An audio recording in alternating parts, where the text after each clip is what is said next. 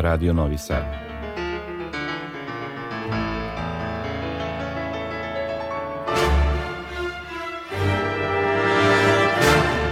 Domaća muzička scena.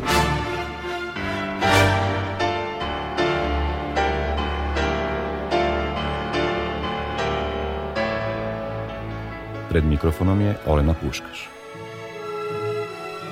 Srdačan pozdrav šaljem vam iz našeg studija i ujedno vas pozivam da s nama provedete ostatak dana, jer verujem da će vam u ove kasne večernje sate prijati naš izbor umetničke muzike.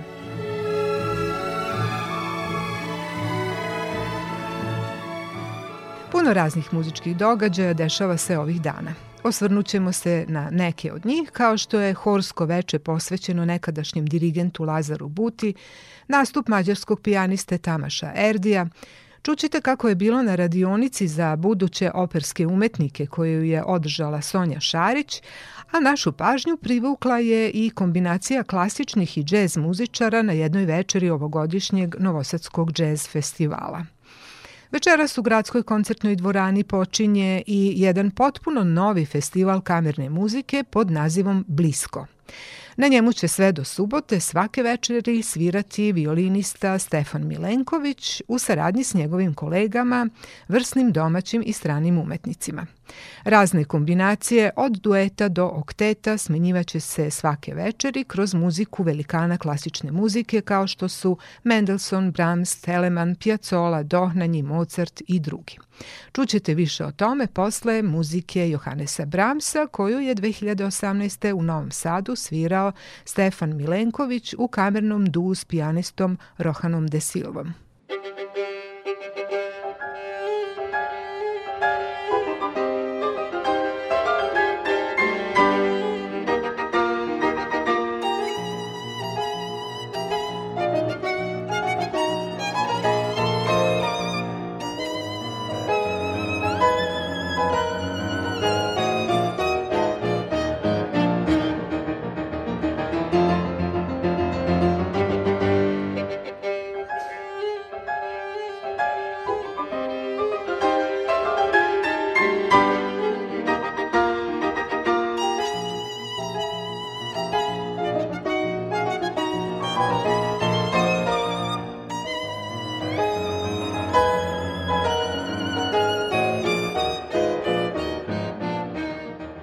Kao što rekoh u najavi, Stefan Milenković od večeras pa do subote 26. novembra u gradskoj koncertnoj dvorani svira kamernu muziku s još 13 muzičara iz naše zemlje i inostranstva.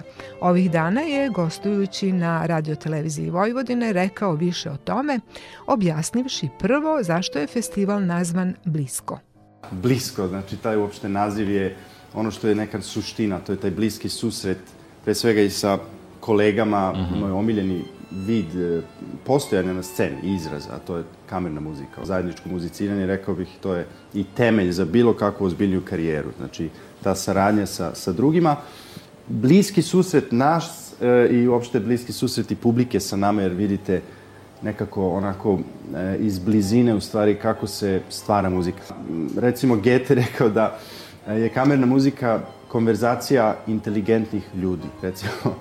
I e, to je činjenica, znači tu koristimo i naše emocije, i naš duh je uključen i naša fizikalnost u ostalom, e, pa ima i nadmetanja, ali opet sve to je nekako, govorimo zajednički jezik muzike i uopšte razumevanje onoga najboljeg što je možda u nama kao ljudskim bićima i to delimo odnosno publika skoro učestvuje direktno u tome. Pogotovo u sali, e, mi je zovemo sad sala, gradska koncertna dvorana, sala sa velikim S, jer je to sala u Novom Sadu i onda nekako je lakše i za izgovoriti. Ali ovaj, sala je veoma in, intiman prostor gde e, postoji neka toplina u stvari kad se uđe i e, niste previše daleko od izvođača, čujete veoma dobro i to je taj bliski susret, tako i taj e, naziv malo interesantan. Uglavnom, bit će neka od najlepših, najprepoznatljivih u stvari dela e, klasičnog repertoara od nekih od najvećih kompozitora.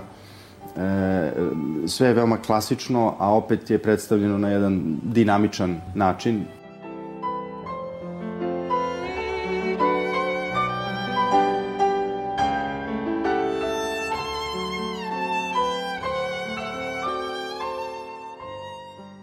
Jedan od koncerta je posvećen Evropskoj predstavnici kulture u smislu da e, je to projekat gde je kombinacija, odnosno e, saradnja između trenutne predstavnice kulture Novog Sada i buduća, a to je e, Gorica, odnosno Nova Gorica, Goricija.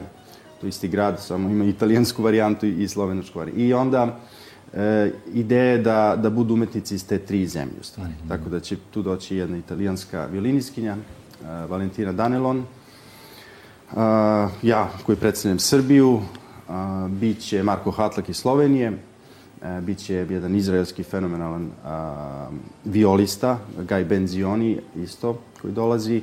Predstavljamo i neke od naših institucija ovde, da ih tako suvo, hladno nazovem, ne. kao što je recimo Beogradska filharmonija, Ognjen Popović, e, klarinetista će nam se pridružiti, pa onda naravno Novosadska akademija, Robert predaje tu, pa ove dve studentkinje u stvari su e, ovde, odnosno jedna iz Beograda, jedna iz Novog Sada, studiraju u Novom Sadu i tako da pokušali smo da obuhvatimo što više toga, nemoguće je sve naravno. S obzirom da je prvi, odnosno da je prvo izdanje već je prilično opsežan, jer ima dosta dela, puno muzike, na tih pet koncerata, ali ja bih volio da se to proširuje. Znači, ne samo u nekom volumenu, nego i u m, samom stilu festivala. Jer u suštini ja sam pre vodio dosta godina jedan festival u Americi i bio je veoma eklektičan, znači tu je bilo raznih stilova muzike, ne samo klasika, bilo i drugih vrsta umetnosti, tako da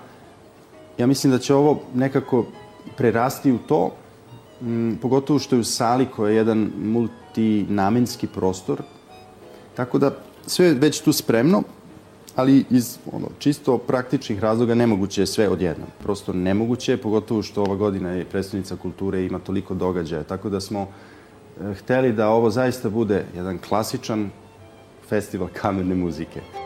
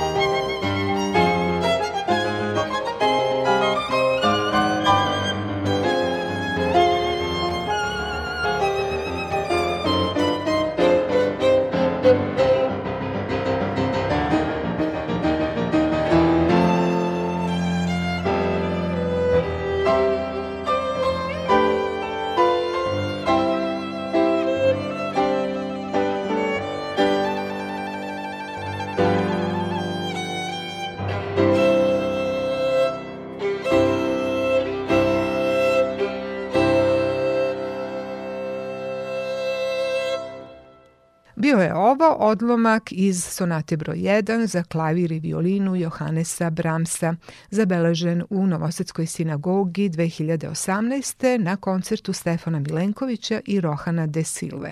Uz to ste čuli i više detalja o festivalu kamerne muzike Blisko, koji se od večeras pa sve do 26. novembra održava u sali u zgradi Nove muzičke škole na Limanu.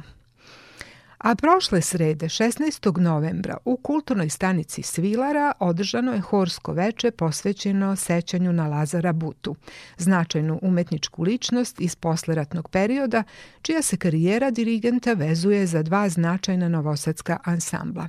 Jedan je opera Srpskog narodnog pozorišta, a drugi mešoviti hor kulturno-umetničkog društva Svetozar Marković. Kraće vreme Lazar Buta je radio i u Pančevačkom pevačkom društvu, Kulturno-umetničkom društvu Abrašević, Radio Beogradu, Muzičkoj školi Isidor Bajić, Preko 70 raznih dela izveo je s Novosadskom filharmonijom i raznim vojvođanskim ansamblima. Ali s operom i horom Svetozar Marković postigao je najznačajnije uspehe, po kojima ga i danas najveći broj ljudi pamti. Mnogi od njih bili su prisutni te večeri na koje su sa puno emocija i lepih reči, pa i ponekom suzom, evocirana sećanja na mnoge zajedničke momente preživljene u sasvim drugačijem ambijentu nekadašnje jugoslovenske države.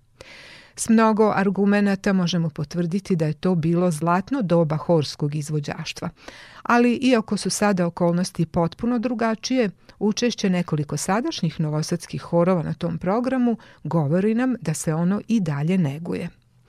Pre nego što čujemo neke od tih horova, podsjetit ćemo vas na jednu autentičnu interpretaciju hora Svetozar Marković, ostvarenu 1971.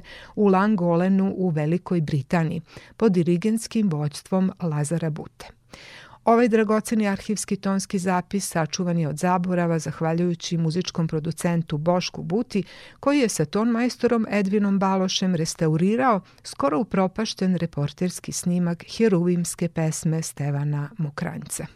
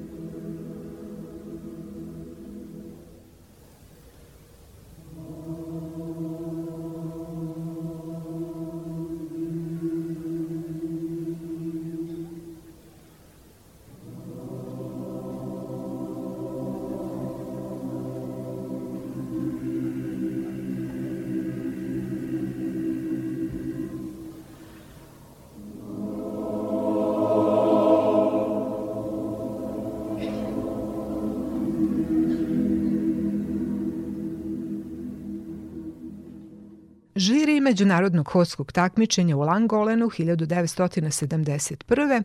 tvrdio je da je ovo izvođenje heruvimske pesme nešto najbolje i najuzvišenije što su slušali. Horu Svetozar Marković pripala je tada zlatna medalja i najviša nagrada u svim kategorijama, što je bio uspeh o kom su članovi hora i njihov dirigent, polazeći na put u Vels, mogli samo da sanjaju.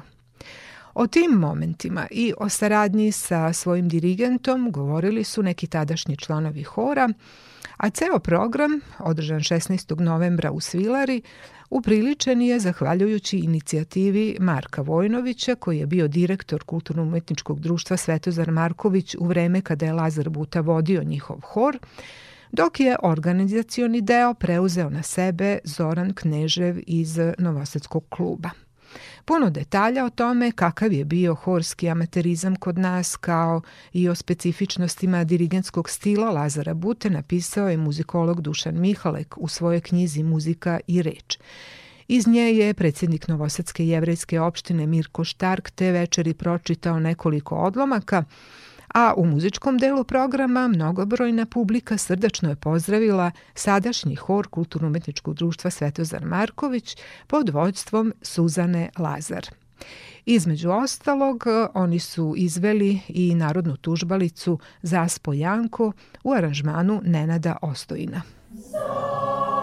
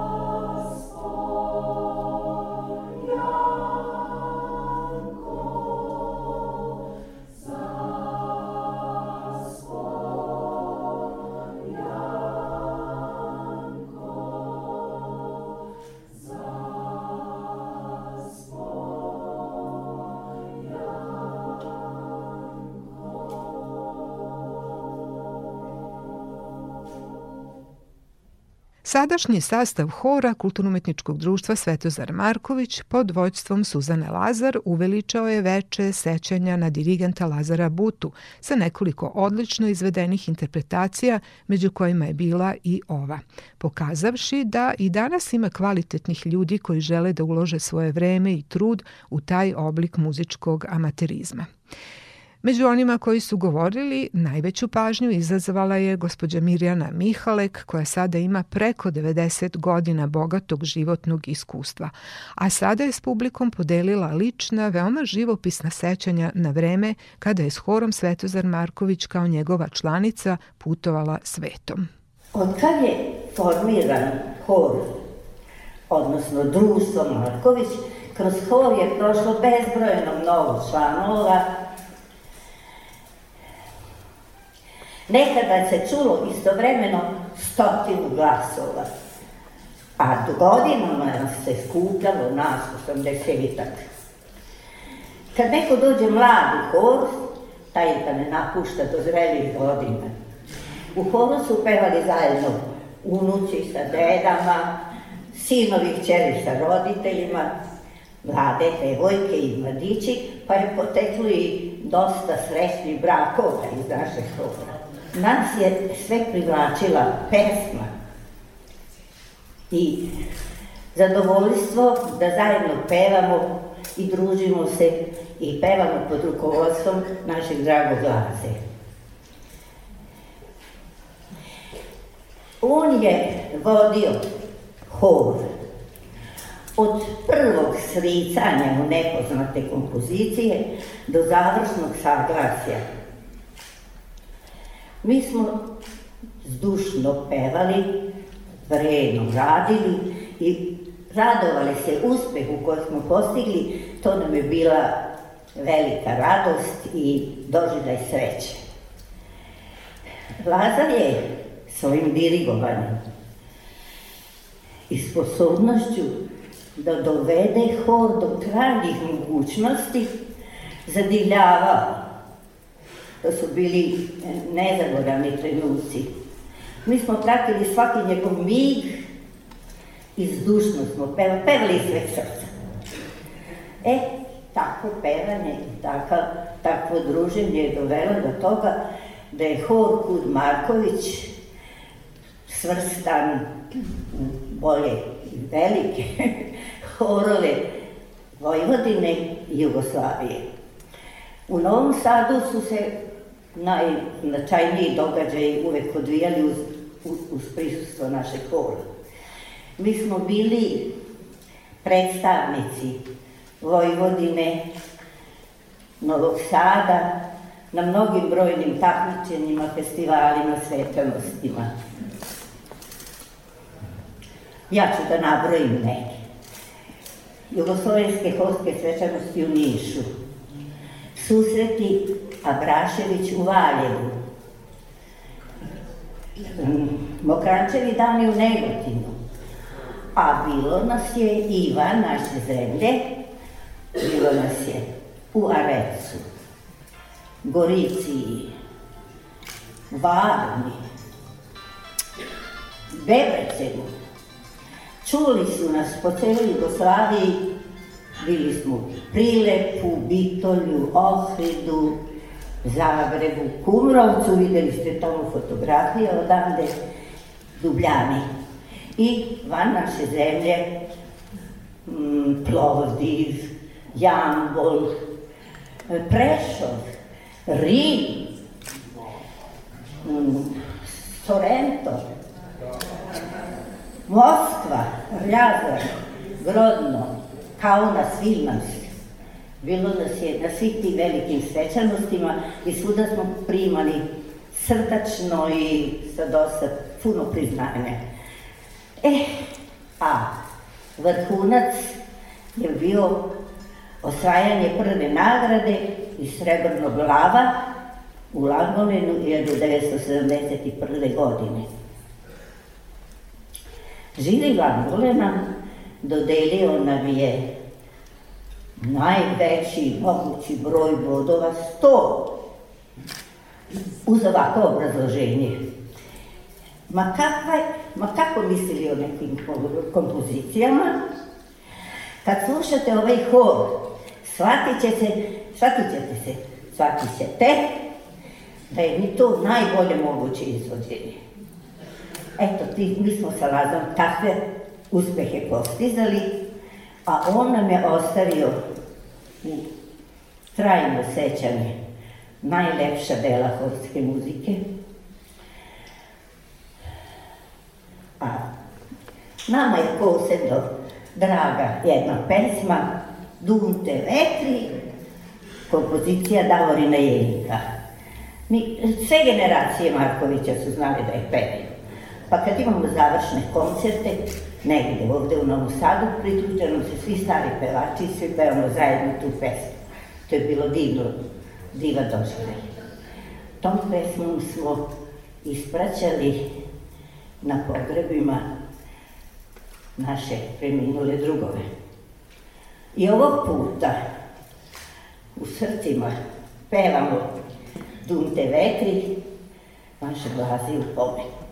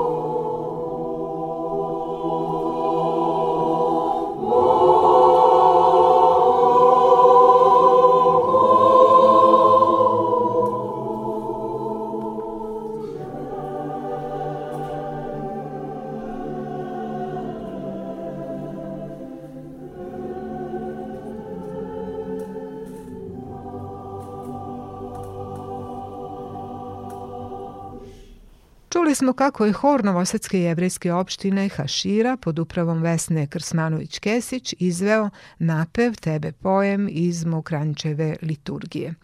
Ovo je bio reporterski tonski zapis načinjen 16. novembra u kulturnoj stanici Svilara na večeri sećanja na dirigenta Lazara Butu. Autentična svedočenja sa nekih njegovih važnih nastupa sa horom Kulturno-umetničkog društva Svetozar Marković zapisao je i Marko Vojnović u svojoj knjizi Razvoj i revolucionarna borba omladinskog pokreta u Novom Sadu. Nešto od toga pročitano je tom prilikom, a mi ćemo čuti deo u kom se opisuje put u Langolen i nastup na takmičenju. Pitao sam Lazu Butu na koji bi festival valjalo otići kako bismo proverili svoju vrednost. Nabrojao mi je neke i zaustavio se na najvećem svetskom festivalu, koji se te godine održavao u Langolenu, u Velikoj Britaniji. Brzo smo se dogovorili da konkurišemo. Sve smo organizacijono uspeli da uradimo na vreme i 5. jula naš hor je krenuo na istorijsku turneju. Posmatrao sam ozarena lica, srećan kad smo stigli na aerodrom i počeli da se ukrcavamo u avion, nas 85 članova hora, na čelu sa moćnim Lazom i tri člana vodstva puta na čelu sa Markom Vojnovićem. Mnogima je to bio prvi let avionom. Došao je i dan prvog nastupa.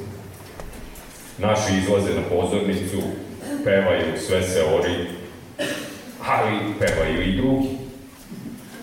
Pitam Ivana Mihaleka, kao stručnjaka, je li ide to dobro?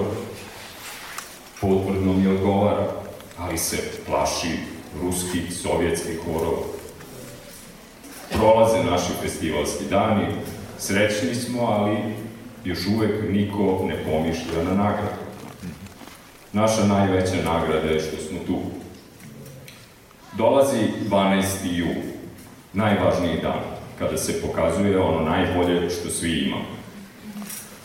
Lazar Buta poravnava svoj hor i onako moćan, karizmatičan, staje ispred njega. Naš hor je obučen u lepe haljine koje su im sašivene za ovu priliku. Izvode redom, Hercigonja, Novoj Jugoslaviji, Gobec, Pesma o slobodi, Gotovac, Naš grad, Odi Laso, Matona Mijakara, Mozart, Ave Verum, Šuc, O Hilf Kriste, Mokranjac, Heruvimska pesma, Nejest svijat, Deseta rukovika. U publici muk, dok slušaju prefinjenu interpretaciju, a hiljadu i više ih je u povelikom horskom ambijentu lepe padine Langole. Posle svake izvedene kompozicije, snažni, gromki aplauz. Preznojenog lica, Laza se klanja publici. Izdržali smo koncert koji je bio otkrovenje i za poveliki internacionalni žiri koji su činila najpoznatija imena svetske horske muzike. Inače, to je bio period kada se horska muzika pela na sami vrh po masovnosti, kvalitetu, društvenom priznanju i vrednovanju. Mi smo ushićeni. Kažemo sebi, uspeli smo. Opet gledam Ivana Mihalka. Ne smem ništa da kažem. Već čekam prve reči ovog muzičkog znalca. Ivan progovori, Marko, ovo je bilo jako dobro. Ovo pevanje je prevazišlo sva ranija, a pravo da ti kažem, i sve horove koje smo do čuli. A već smo nedelju dana tu i horovi se smenjuju kao na traci. Ohrabri me Mihalak. Prošlo je još dan, dva i dolazi dan odluke. Zadovoljno čekamo besedu živi. Ali bez posebnog očekivanja kako to ide po protokolu, predsednik žirija saopštava priznanje. Počinje od krajnjih pa redom do najviših odličja, nema nas nigde, a mi nesrećni. Predsednik potom izgovara ime nosioca glavnog priznanja svetskog prvaka. Prvo mesto osvoje hor Svetozar Marković iz Jugoslavije.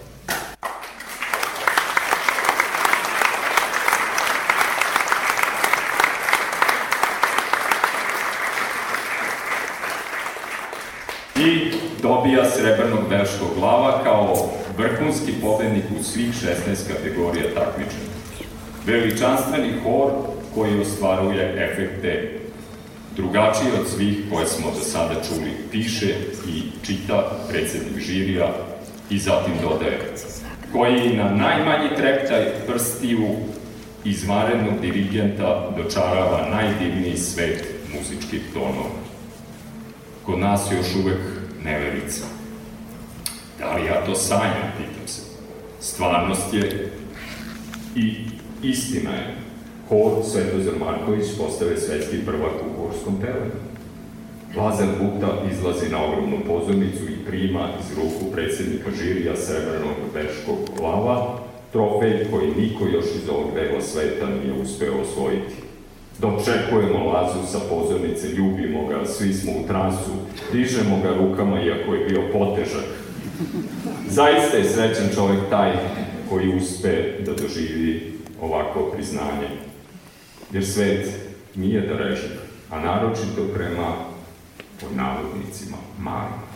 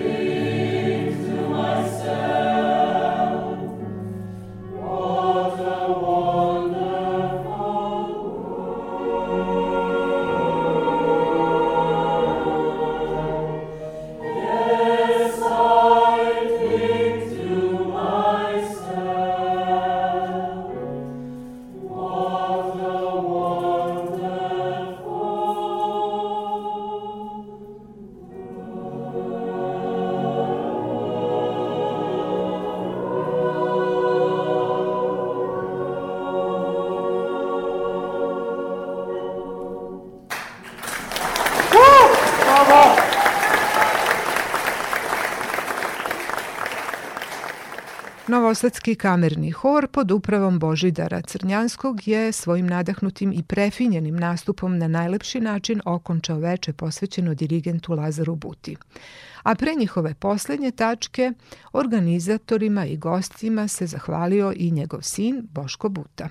Ja se svaki put, ali zaista iskreno i do srži, iznenadim, krajnje prijetno naravno, kada vidim da posle 38 godina postoje ljudi, ne koji pamte, nego koji žele uopšte da održe neki kontinuitet i da otrgnu od zaborava, jer samo zaboravljeni umiru, no? E, I svaki put me to gane. E, zato sam beskreno zahvalan Novosadskom klubu, aktualnom rukovodstvu Markovića, našim domaćinima, a pre svega ove mladosti, jer oni su naša budućnost, znate. Gde ja sad dok ti produži. Uspeli smo da završimo misiju, da nastavimo kariku Jer čovjek, kad dođe neke godine, a ja sebe, tu već vidim jedno vreme dobro, malo drugačije počne da posmatra stvari, znate. Život donese i odnese, u njegovom sokolu malobrojni biranici.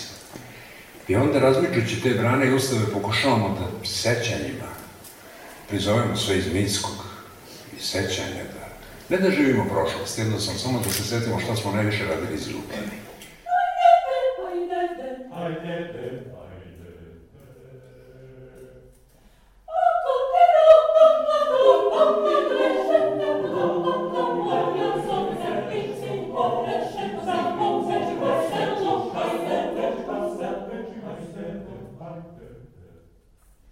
Sennile, sennile, mille giorni, sello, sennile, converso.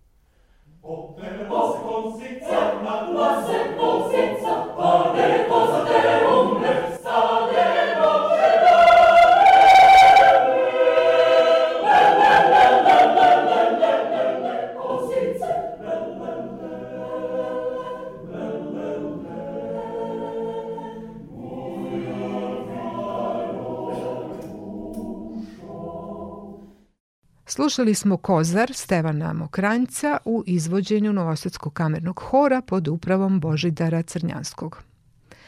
Ovo su talasi Radio Novog Sada, u toku je emisija Domaća muzička scena, a u njoj sada prelazimo na novu temu. Prošlog petka, 18. novembra, u svečanoj sali Gradske kuće u Novom Sadu, nastupio je mađarski pijanista Tamaš Erdi – Njegov nastup priređen je u okviru Neo koncertne sezone koja predstavlja deo muzičke ponude u godini realizacije naše titule Evropske prestonice kulture.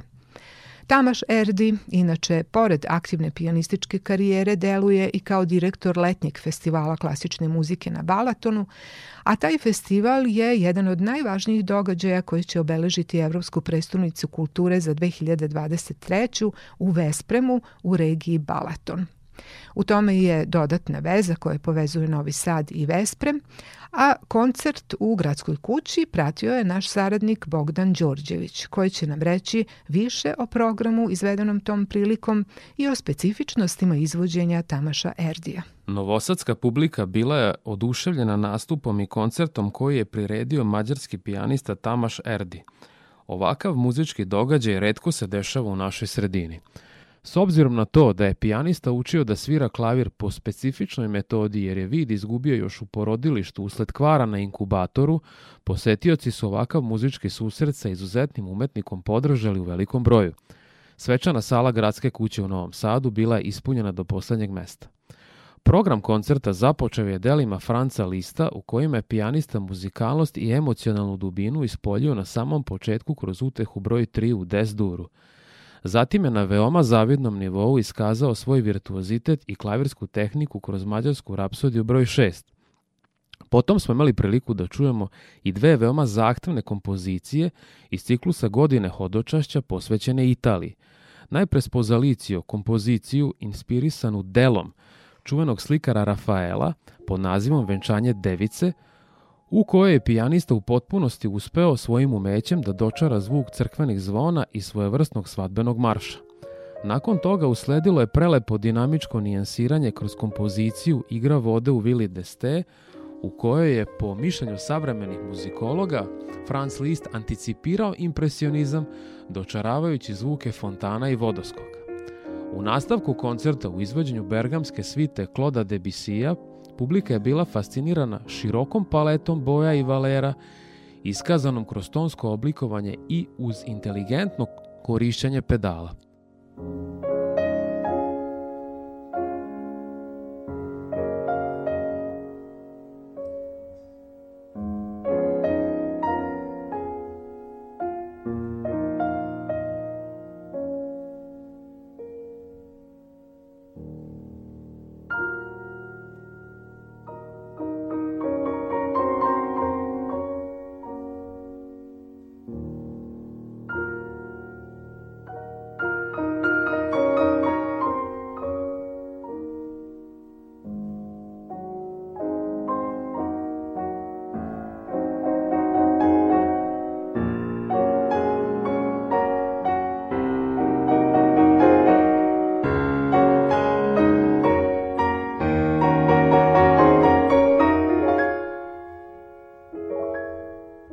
Svakako da se najpoznatija minijatura pod nazivom Mesečina izdvojila interpretacijom i utiskom da pijanista izlazi na scenu sa unapred jasno osmišljenom koncepcijom svakog dela koje izvodi.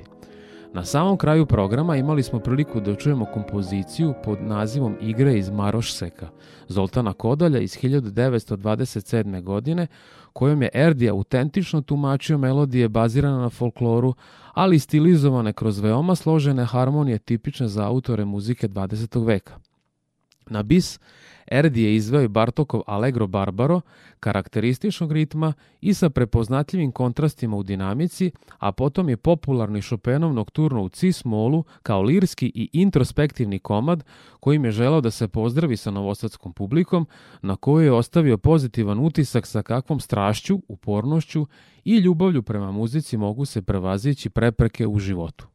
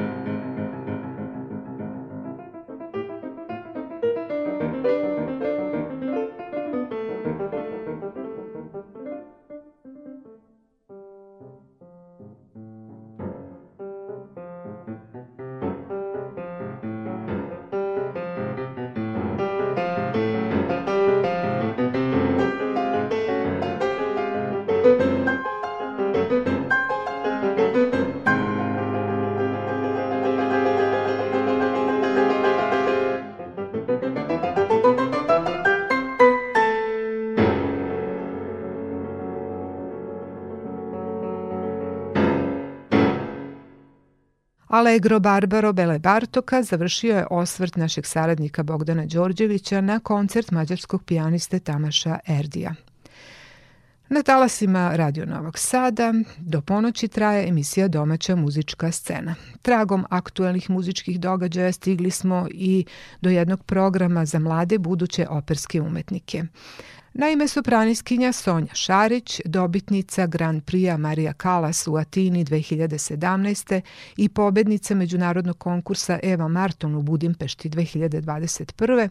koja je u poslednjih nekoliko godina ostvarila zapažene uspehe na međunarodnoj operskoj sceni, a prošle sezone debitovala je i kod nas na scenama u Novom Sadu i Beogradu, priredila je radionicu za novosadske učenike i studente solo pevanja.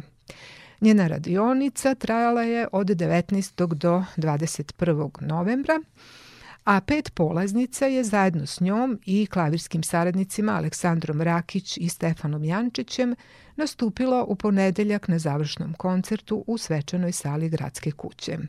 Brojna publika uživala je u raznovrsnom repertoaru, a izvođači su s velikom usredsređenošću, ali i radošću prikazali ono što su do sada naučili, trudeći se da što bolje dočaraju sadržaj odabrane kompozicije.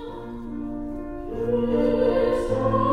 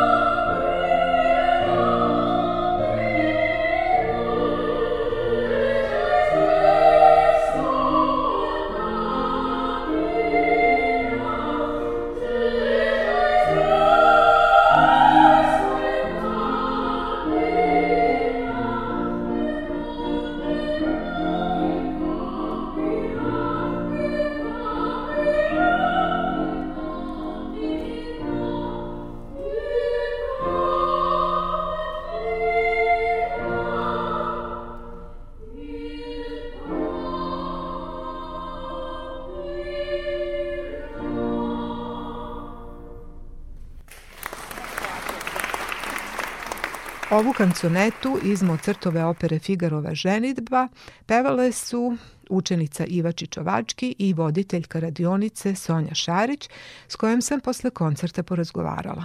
Večera ste sa svojim polaznicima prikazali deo onog što ste u prethodna dva dana s njima radili. Šta ste uspeli za ovo kratko vreme? Kakav je vama bio osjećaj?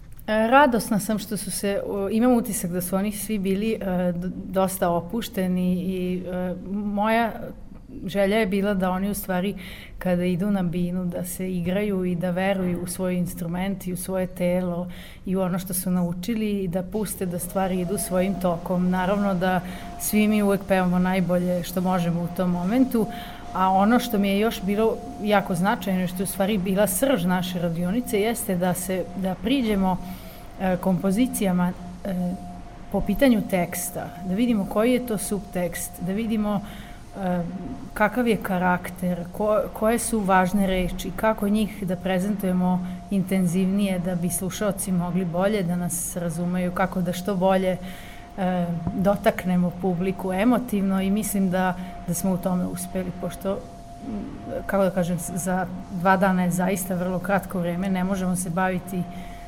nekim velikim tehničkim e, korekcijama i vokalnom tehnikom, ali mislim da za interpretaciju da su dosta toga novog e, čuli na ovoj radionici i jako je bilo lepo što su svi bili sve vreme prisutni i mogli da prate i da, e, ja sam bila voljna da svi učestvuju, da, odnosno da svako može da kaže svoje mišljenje i da, da se, čak smo u jednom momentu do, došli u veliku prepirku oko pesme Konjovića Nane kaži tajku, pošto je pesma čas u molu, čas u duru i e, prosto smo dugo razmišljali jel ona sad, jel ona sad hoće da se uda ili ne.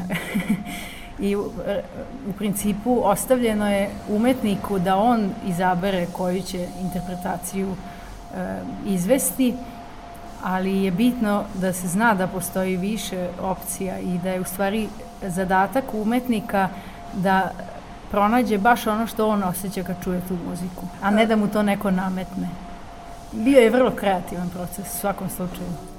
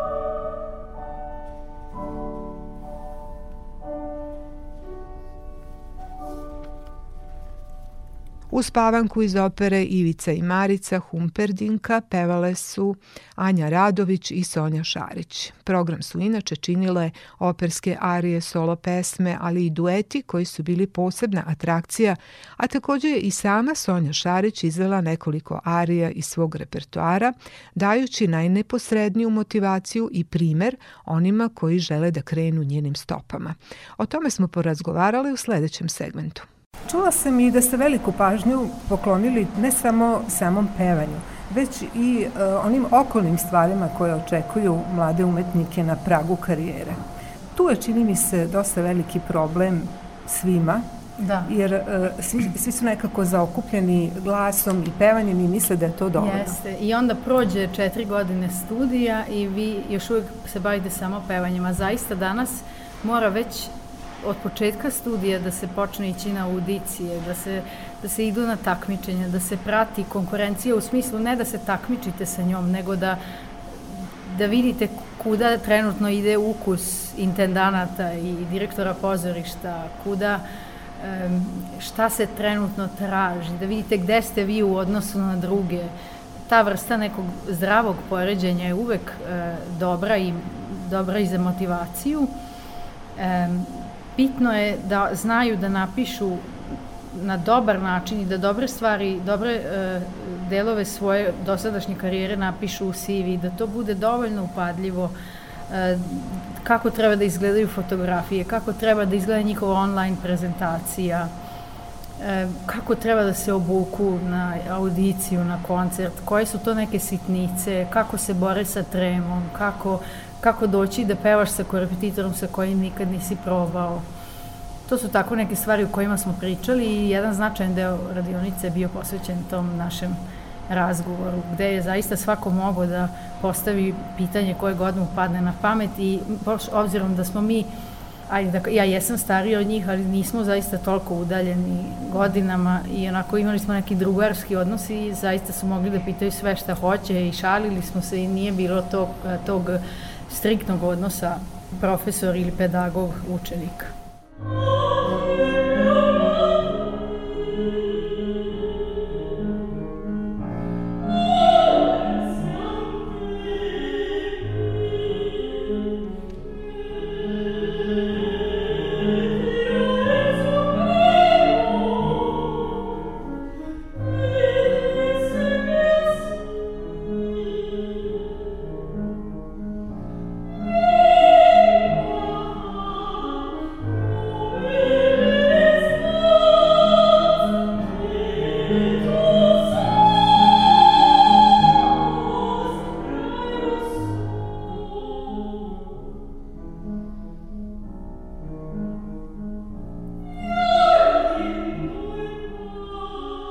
Slušamo inserte zabeležene na završnom koncertu radionice Sonje Šarić za solo pevače.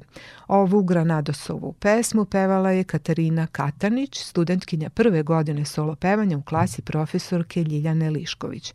Ona je ovako formulisala utisak o svom učešću. Te sreće sam da sam imala priliku da budem deo ove radionice operske pevačice Sonje Šarić. Ona je zaista podelila sa nama svo svoje znanje, kako je to biti samostalni operski pevač u Srbiji, a i u inostranstvu i takođe podelila s nama neke savete kako šta da pevamo, da s ljubavlju pevamo, da izvodimo muziku, što se, što se mislim zaista i videlo na ovom večerašnjem koncertu, da smo svi nekako s radošću tu i s njom ovaj, sarađivali. Verujem da je kratko vreme za nekoliko dana uraditi nešto na tehnici pevanja, ali šta je najkorisnije od svega toga e, što ste mogli naučiti, a što možda niste znali i što se na redovnom školovanju ne uči? Pa ja, na primjer, nisam uopšte znala da kao samostalan umetnik moraš konstantno da tražiš audicije i da tražiš prilike da te neko čuje. Nekako sam mislila da to, ne znam, valjda ide spontano ili se tebi ljudi jave, ali nažalost je obrnuto. Dosta toga stoji na umetnicima i zaista smo samostalni nekako. A što se tiče tehnike, radili smo dosta vežbi da se opustimo, jer ipak su tu ljudi da nas čuju u publici, a ne da nas ocenjuju i nekako da nismo nervozni. Najviše, najviše uticalo na nas da nismo nervozni.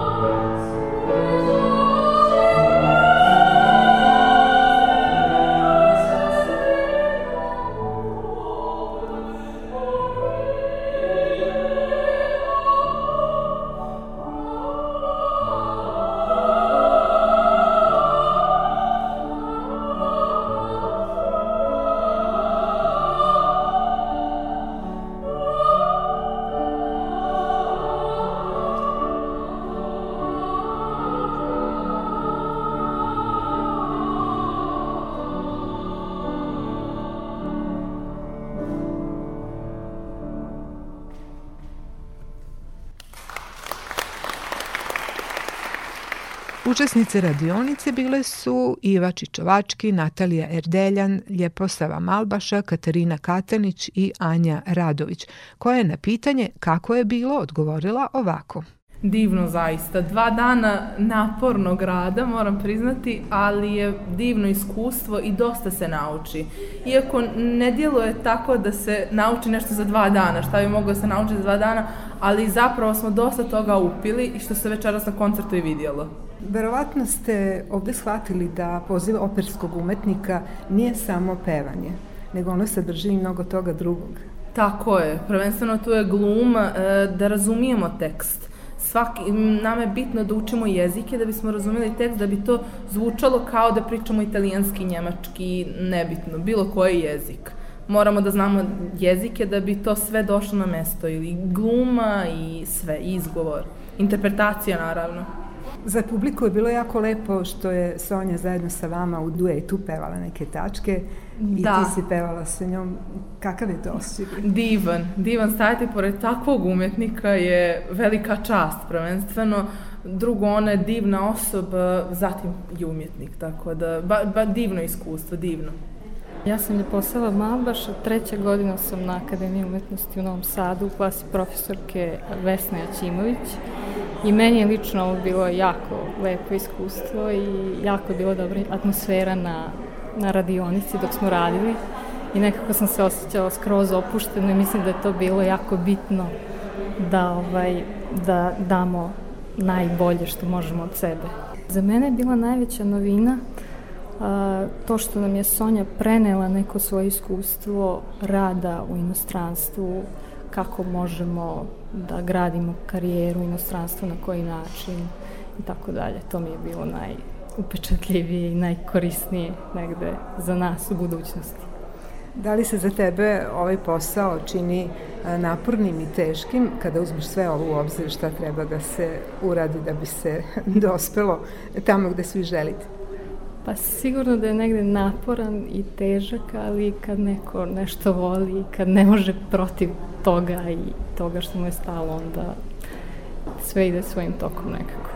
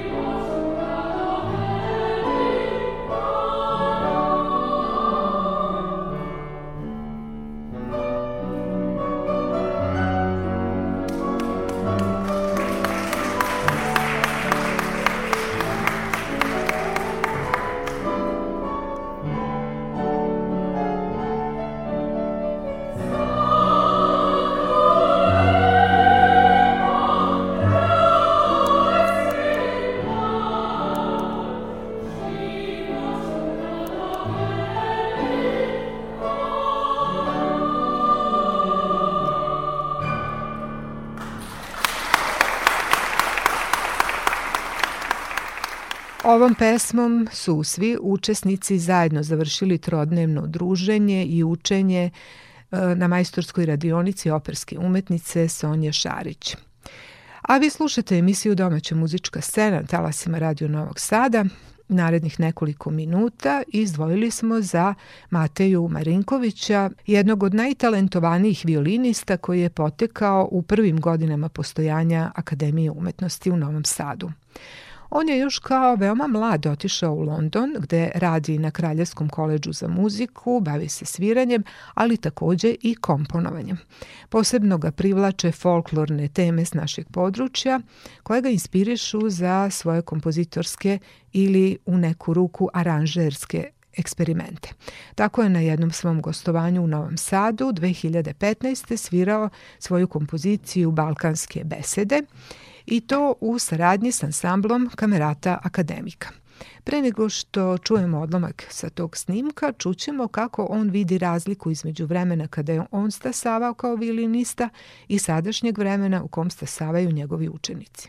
Mislim da je konkurencija velika. Uh, ono u čemu, uh, ono šta fali možda šta se sad ponovo pojavljuje, to je opet umetnost sviranja. Bilo je dobrih svirača, bio je period kada su takmičenja vodila uh, dala, dala usmerenje nekog kako da se pedagogija obavlja, kako, u kom smeru da se uči instrument.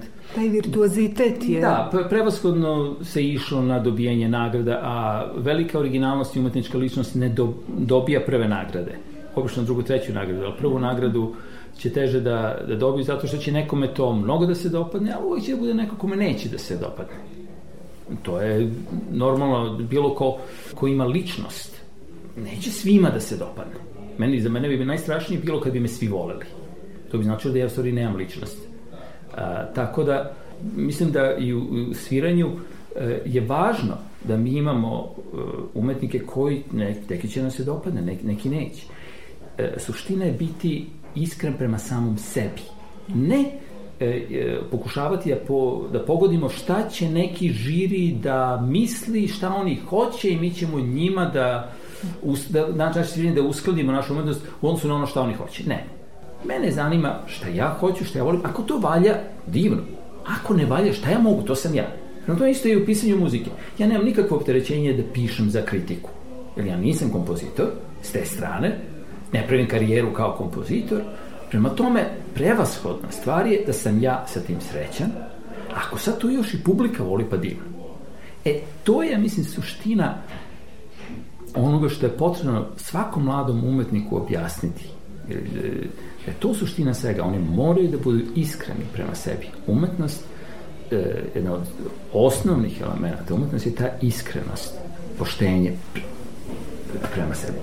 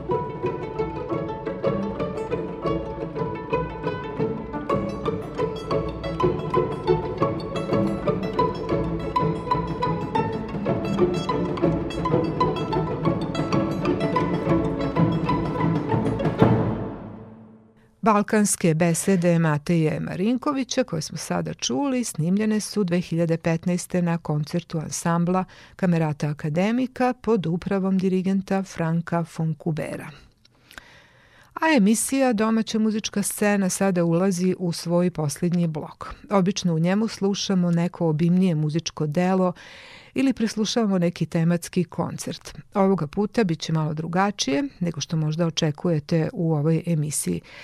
Naime, na nedavno održanom 24. Novosadskom jazz festivalu imali smo priliku da čujemo kombinaciju vrsnih domaćih jazz muzičara s klasičnim kamernim orkestrom Roberta Lakatoša.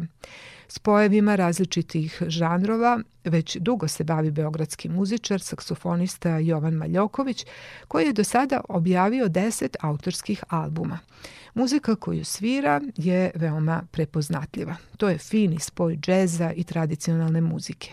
Na ovom festivalu je premijerno izveo svoje najnovije kompozicije koje su zajednički izveli njegov kvintet i kamerni orkestar Roberta Lakatoša.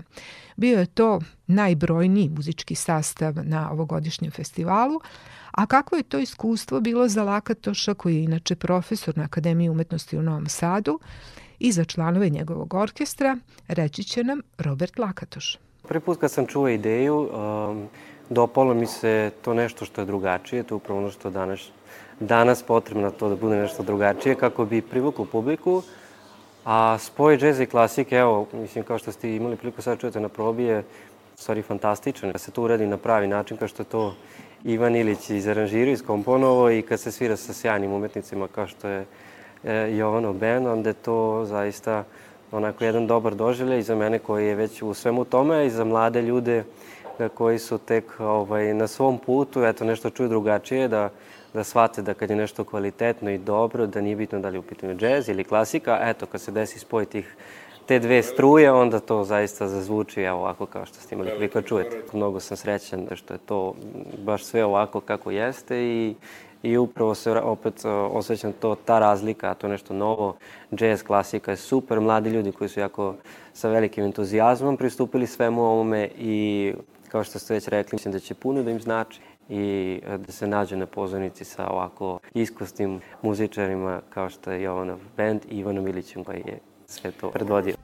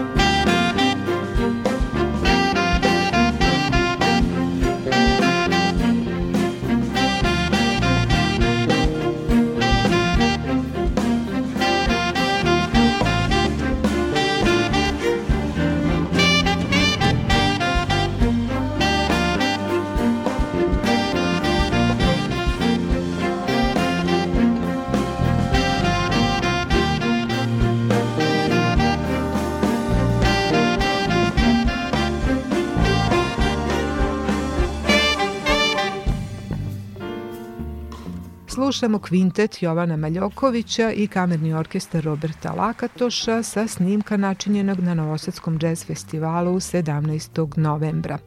Aranžmane za ovakav sastav uradio je Ivan Ilić, koji je ovako opisao svoju saradnju sa ovim muzičarima. Prepoznali smo u jednom trenutku da, da bi naročito Jovin etno program, koji je zaista bogat i zaista autohtona jedna sorta muzike, da, u to, utemeljena na etnosu, a opet nije nešto što je što je puka kopija nekih narodnih tema, nego je zaista nosi sobom jednu originalnost i jednu e, važnost. E, I, I na domaćoj, rekao bih, i na stranoj e, sceni ili je bilo gde u svetu da smo se pojavljivali sa ovim programom, imali smo e, sjajan odaziv i sjajan prijem uh, i, i, i, i biseve i standing ovation i zaista i uh, negde možda i prirodno je bilo da uz moje neke aranžerske sposobnosti uh, pozovemo jedan veći korpus ovaj divni kamerni orkestar izvođača da koji je koji je ko, koji smo odabrali i zapravo kada smo čuli da će da će orkestar skupiti Robert Lakatoš Lakatoš ja sam zaista bio presrećan Sticam okolnosti, Robert, ja nikad ranije nismo radili, ali se ispostavilo da zapravo toliko imamo zajedničkih prijatelja i kolega da je prosto čudo da nismo ranije sarađivali.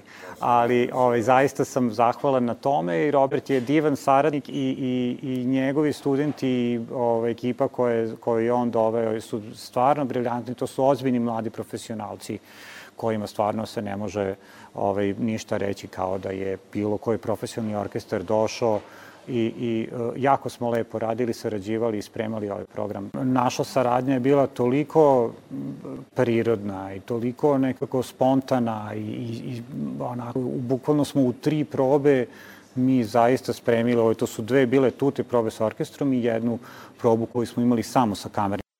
Uh, I mislim, ja sam prezadovoljan, nadam se da će i publika osetiti uh, da je tu puno ljubavi u ovo unešeno i, i mnogo iskustva zaista i izvođačkog i kompozitorskog i aranžerskog i sve ono najbolje što smo mogli iz sebe da izvučemo, svi mi zajedno. I Jovan Muljoković kao nosilac celog e, imena projekta i njegova sjajna muzika koja zaslužuje ovakav tretman uh, i, i Robert Lakatoš sa svojim i naši gosti i bend koji funkcioniše evo već sigurno 20 godina u ovom sastavu. Zaista mislim da, da ćemo ponuditi jedan program nesvakidašnji, nešto što će e, ostati u, u sećanju naših slušalaca.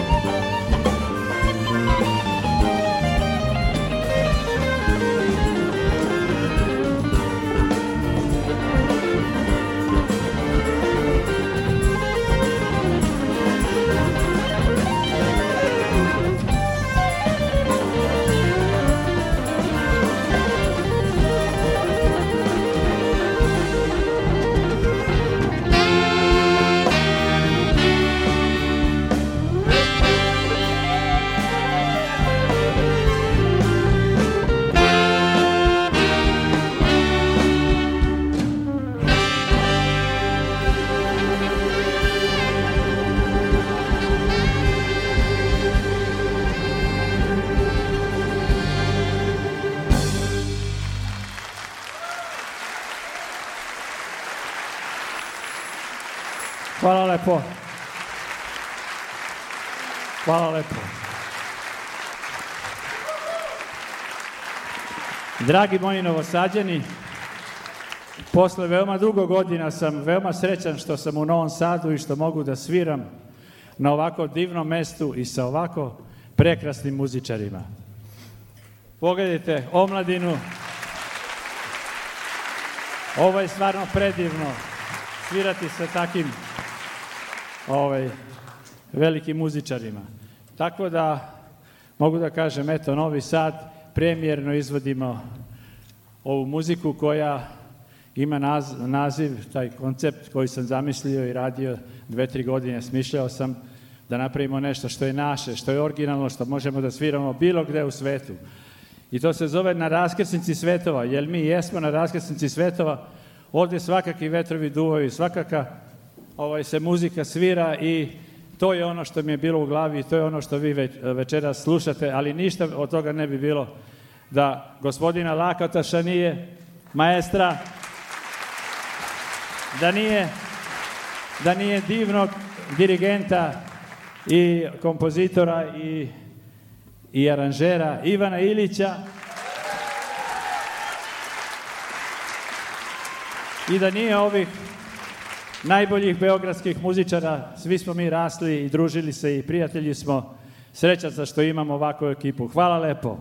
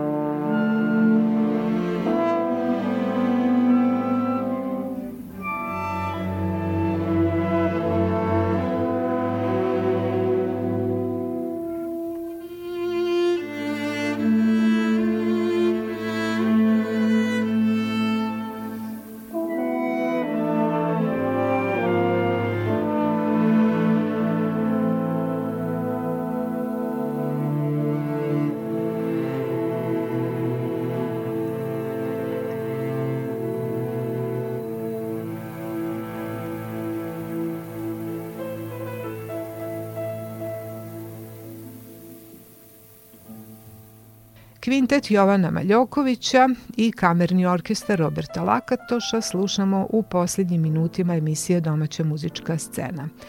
Vreme je da se pozdravimo s vama za večeras. Iz studija vas pozdravljaju ton majstor Aleksandar Sivč i Olena Puškaš. Podsećam vas da ovu emisiju možete slušati svake srede od 22.10 premijerno ili odloženo na našem sajtu media.rs. Toliko od nas za ovaj susret. Želimo vam prijatnu noć.